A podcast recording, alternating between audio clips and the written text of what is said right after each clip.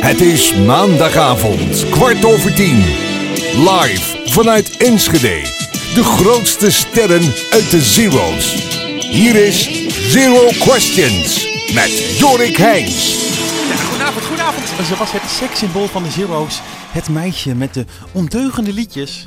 Ze had grote hits, but don't mention her tits. Vandaag de gast eh, niemand minder dan Britney Spears.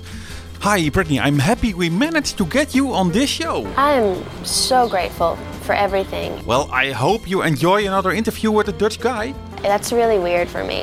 Uh, can I ask you some questions? Well, I think if that's what you want to do and it, that would make you happy, then I see nothing wrong with it. I'm sorry, uh, this is zero questions, so there are no questions. But that's not my fault. No, it's a joke to annoy people. I haven't done that. Well, we can try and play one of your songs. If you want to do that, that's fine, but I personally wouldn't do that. Oh, I just started one of your hit singles. Wow, you can't go back. Uh, thank you, Britney Spears. Jorik Heijns, back to zero. Back to zero.